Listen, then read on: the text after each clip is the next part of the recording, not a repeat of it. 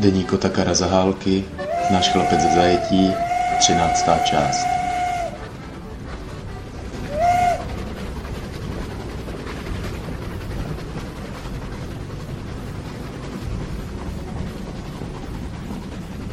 Peníze jsme konečně dostali. Já 10 rublů. Kryzanově byl zákon, že se to nesmí vyplatit. Tedy zase, že ano. Policie nařídí to, náčelník praví opak. Dělo řekne, že tohle se smí. Voják to ale příští den nedovolí. A dovolání se spravedlnosti je marné. Obědy už si také bereme, ale to vaření.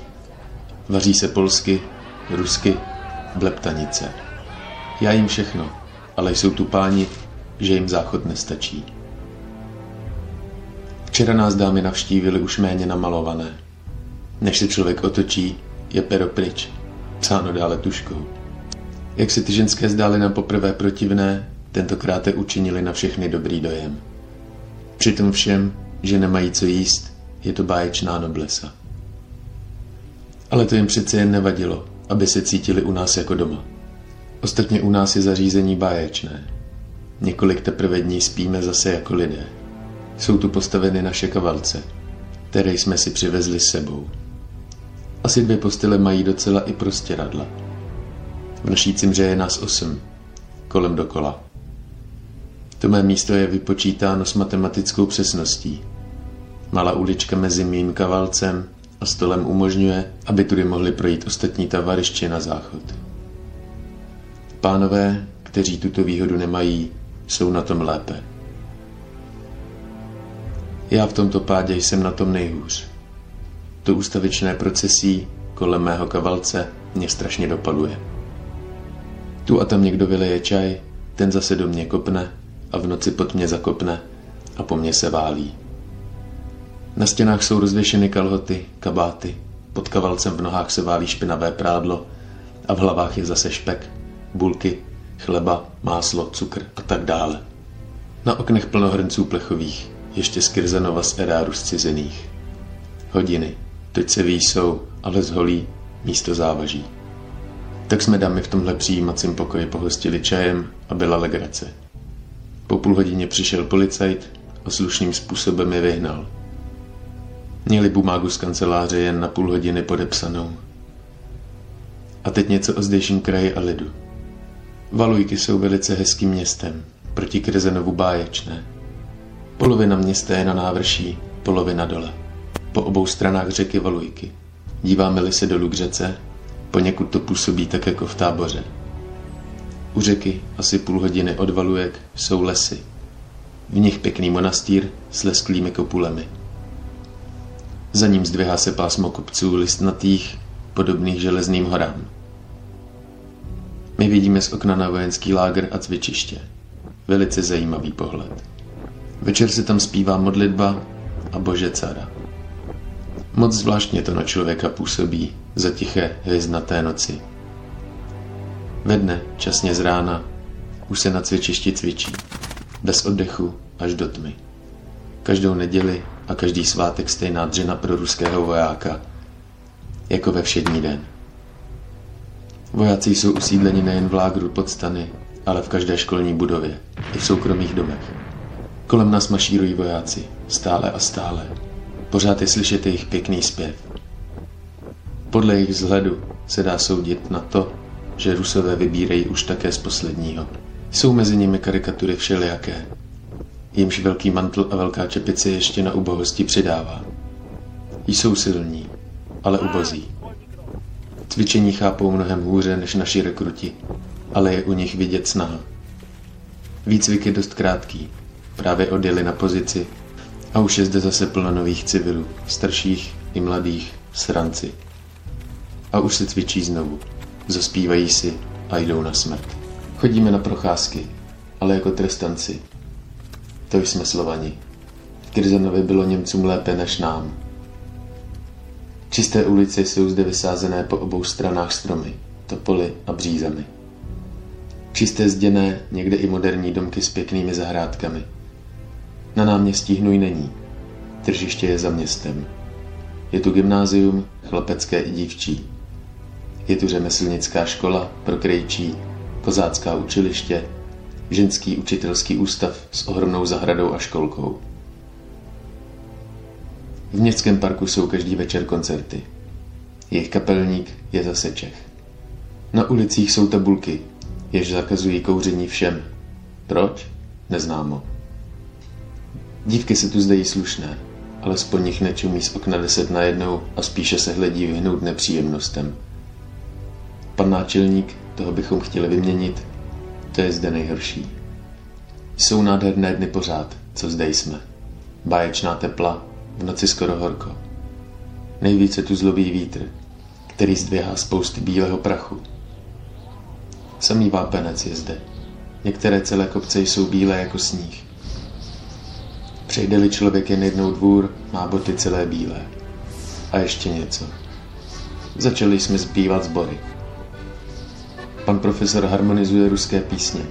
Já jsem se pokusil o české a večer zpíváme. Lidé jsou zde dobří, jako všude. I ti policejti. V soukromém rozhovoru jsou milí, ale ty úřady a to vedení. Mužíci zde měli velký dubový les. Páni je opili a přinutili je podepsat jakousi smlouvu. O les přišli. Když se prospali z opice, začali dělat rámus, ale stát to rozřešil šikovně. Les si vzal sám a mužíci byli posazeni v tjurmu. Změna v řeči je zde dost velká. Říká se zde všude místo g, h, horod, hospoda, hovorit a tak dále. Tak asi mám naznačeno to nejhlavnější, ale píši s humorem, nepíši vážně jako chlapeček. 4. října 1915, pondělí. Je svátek jeho veličenstva Nikolaje. Dostal jsem lístek od Jesenské s datem 3.5. Oto, musíš být šťasten. Divně mě to naladilo, protože vím, jak to s tím štěstím chodí. Nebudu o sobě a o domově raději vůbec přemýšlet. Večer nás navštívil pan Dělo. Jeho návštěva platila jen tomu, abychom zaplatili obědy. Gáži nám ale nedal. Teprve se prý o ní psalo. Zavřel nám ostrčila, že nechtěl panu Freiterovi zamést kuchyň. V jižním kraji postup francouzů a jakési úspěchy Rusů. Bulharsko? Vedou se čilé debaty, hlavně pan Lloyd Soukup je agilní. 5. října 1915, úterý. Zase je tak krásný den, báječný. Četl jsem Čechoslováka a tak mě zase nějak popadl smutek, nejistota a svědomí. Odpoledne jsme byli na progulce. Šli jsme k monastýru loukami u řeky. Zdálo se mi, že jedu z Pardubic do Rosic. Kolem monastýru je krásný divoký park a v něm nádherná cerkev. Právě zvonili. Mniši tam chodili na modlení a my šli za nimi. Tak bylo krásně, jako v pohádce. Škoda, že člověk tak brzy procitá z takové nálady. 6. října 1915. Středa. Velké nákupy všeobecné. Na kalhoty, rubášky, pro žaludek vůbec staráme se jen o tělo. Večer došla spousta lístků. Pro mne osm. Jsou většinou z května. Dovídám se o Jendovi, že je zajat. O Slávkovi a Jirkovi, že jsou odvedeni. Napětí bulharsko-srbské dosud nevyřešeno, ale dá se to s určitostí předvídati. 7. října 1915, čtvrtek. Počasí se trochu pokazilo. Nálada je nuceně veselá. Taková, jaká teď panuje u člověka stále. Jak se říká, dišperace.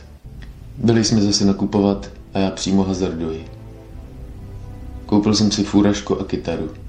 Velmi skromnou. Také někde pan profesor splašil housle. Muzika tedy bude doma zase. Navštívili jsme parta pěti lidí, mistra Ševce. Správný starý mistr, jak zákon žádá. A ševců tam bylo jako psů podle slov Tondy. Pracují u něho dva Austriáci, kterých je všude plno. U pekaře Bradáč, Diuček Fandricha Holánka. V typografii také Austriák, v biografu u kasy Austriák a ten mistr Švec, ohromný a vousatý, hodící si tak spíše na kováře. Měl z toho radost, že tam má Austriáka. Že ten mu poradí, jaké my chceme boty. Nebojte se, to já všechno zařídím. O sukna a látky je tu teď nouze, protože nikdo nedělá. Hlavní sklady a fabriky byly prý v loďi. Drahota látek je úžasná.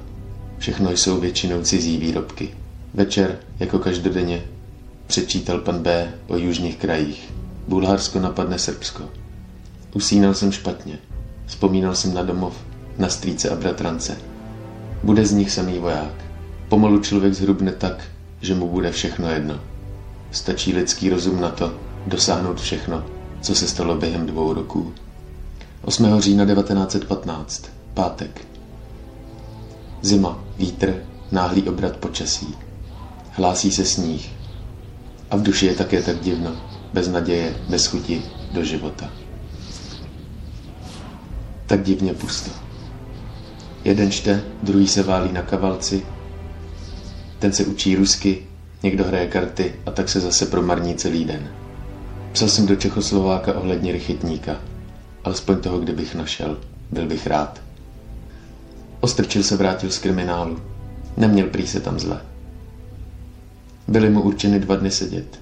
Ty uplynuly, ale protože stráž se bála ho pustit a zeptat se, se s ním, seděl čtyři dny. To je v Rusku maličkostí. Poslali jsme telegramy s úctivou prozbou o jejich podepsání. No a dnes máme pátek a marně se po nich scháníme. Na můj dopis odpověděl pan Dělo, že to bude hned. S Ostrčelem byl zavřen jakýsi ruský hoch, se železy na rukou i nohou, který všechno rozbil a stráže pomlátil. Skopali ho, stloukli a nic platno. Jen stále naříkal. Můj otec padl, všichni jsou na pozici, matka umřela. Hrozili mu revolverem. Pokřižoval se a očekával smrt. Jeden domobranec, dle všeho dost zámožný, si odpikává to, že včas nenarukoval.